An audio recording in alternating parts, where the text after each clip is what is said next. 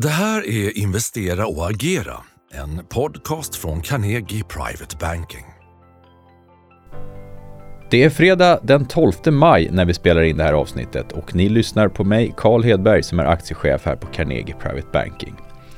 I dagens avsnitt ska vi prata om börsutsikterna för sommarbörsen, den rapportperiod som till stor del börjar bli klar och vad investerare bör ta med sig från den och lite grann då hur vi på aktiemäkleriet på Carnegie Private Banking råder våra kunder att agera.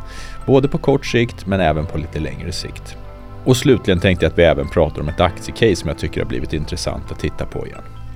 Men om vi börjar med summeringen av rapportperioden. Vi får väl konstatera att det har varit en väldigt bra eh, rapportperiod överlag. Betydligt bättre än de prognoserna som fanns innan. Visserligen så har väl marknaden eh, lite i förväg börjat prisa in det här. Vi såg ju faktiskt en börs som, som steg något in mot rapporterna. Eh, men vi ser ju ändå en, en vinsttillväxt som faktiskt accelererar. Inte bara att den kommer in eh, positivt utan den faktiskt ökar mot, mot föregående kvartal och mot förväntningarna. Och det här var ju ganska långt ifrån det scenario man såg framför sig under hösten när man snarare såg en väldigt tvär konjunkturinbromsning och till och med en recession. Eh, så vad är förklaringen till det här? Ja, men det ligger nog till stor del i att företagen har ju sett det här komma framför sig. Det här med att man märker av högre priser, man har haft leveranskedjeproblem och så vidare. Eh, råvarukostnader har ökat så att det här har ju gjort att man har behövt höja sina egna priser.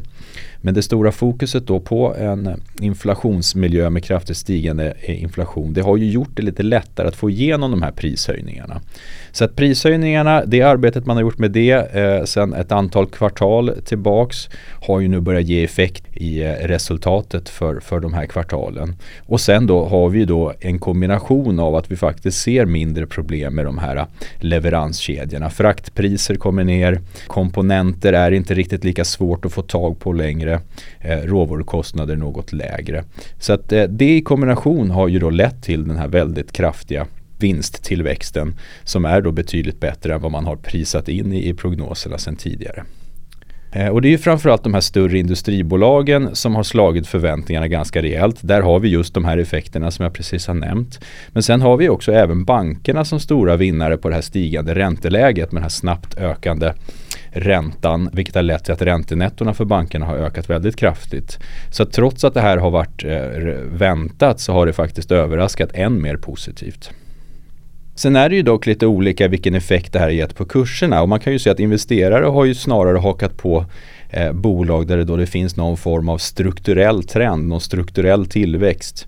Låt säga till exempel den här trenden med elektrifiering och så vidare. Den typen av långa trender, bolag som gynnas av det, där ser man att investerare har tagit fasta på det här och faktiskt gett eh, eh, skjuts till kurserna.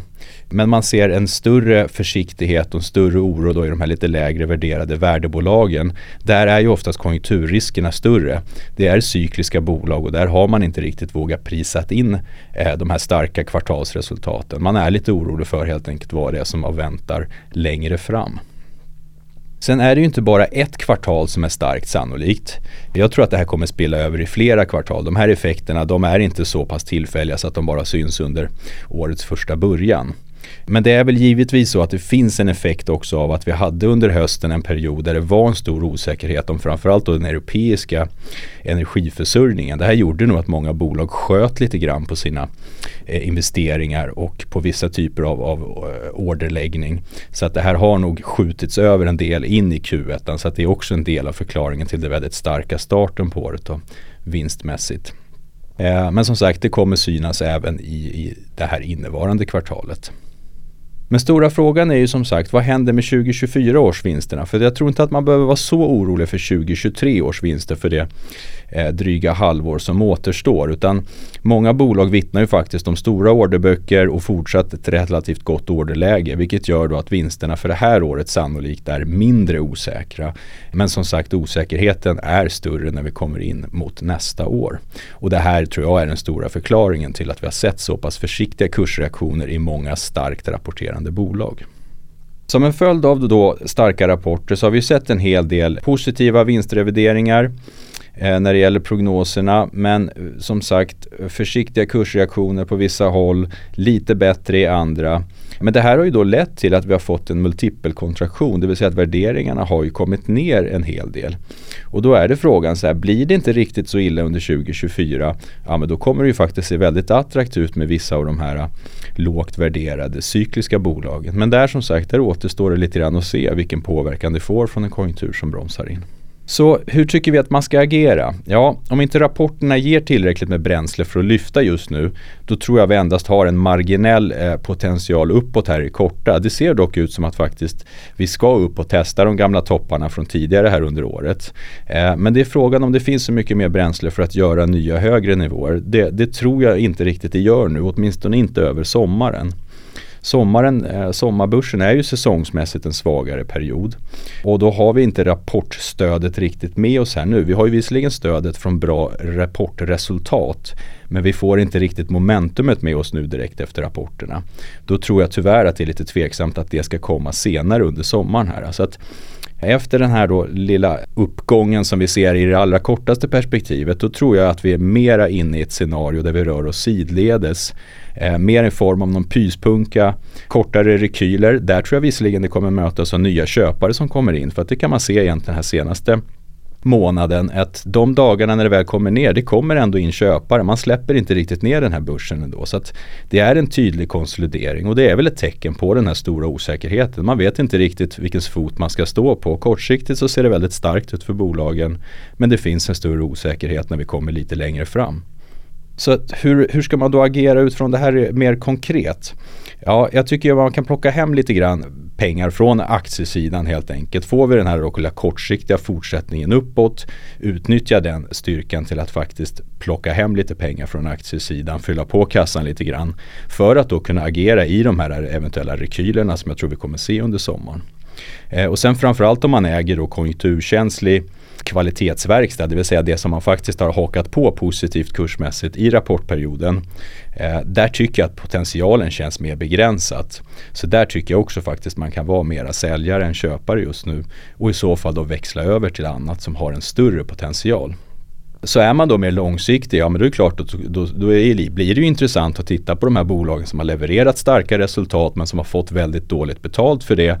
För att man är då lite orolig för vad som, som komma eh, skall. Men kortsiktigt så, så finns det väl givetvis konjunkturrisker som, som skulle kunna påverka kurserna negativt. Men å andra sidan är rätt mycket av det inprisat också. Och kan man då leva med att det faktiskt skulle kunna bli lite rekyler nedåt i de här bolagen under sommaren så tycker jag ändå att det är intressanta lägen att plocka upp dem som för en långsiktig investerare.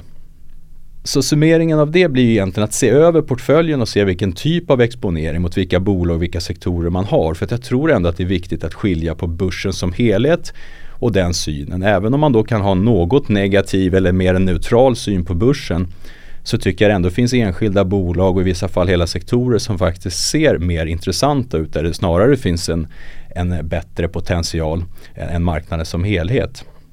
Eh, jag tycker till exempel, tittar man på dagens rapport där vi hade Storskogen som kom ut med en rapport på morgonen. Eh, ett bra resultat, bättre än förväntat och där fick man faktiskt väldigt bra betalt och kursmässigt också. Det här är ju ett litet tecken på att i vissa bolag och i vissa sektorer där har man prisat in för mycket negativt. Så att det här kommer vi nog kunna se bolag som faktiskt eh, får, får en viss omvärdering uppåt.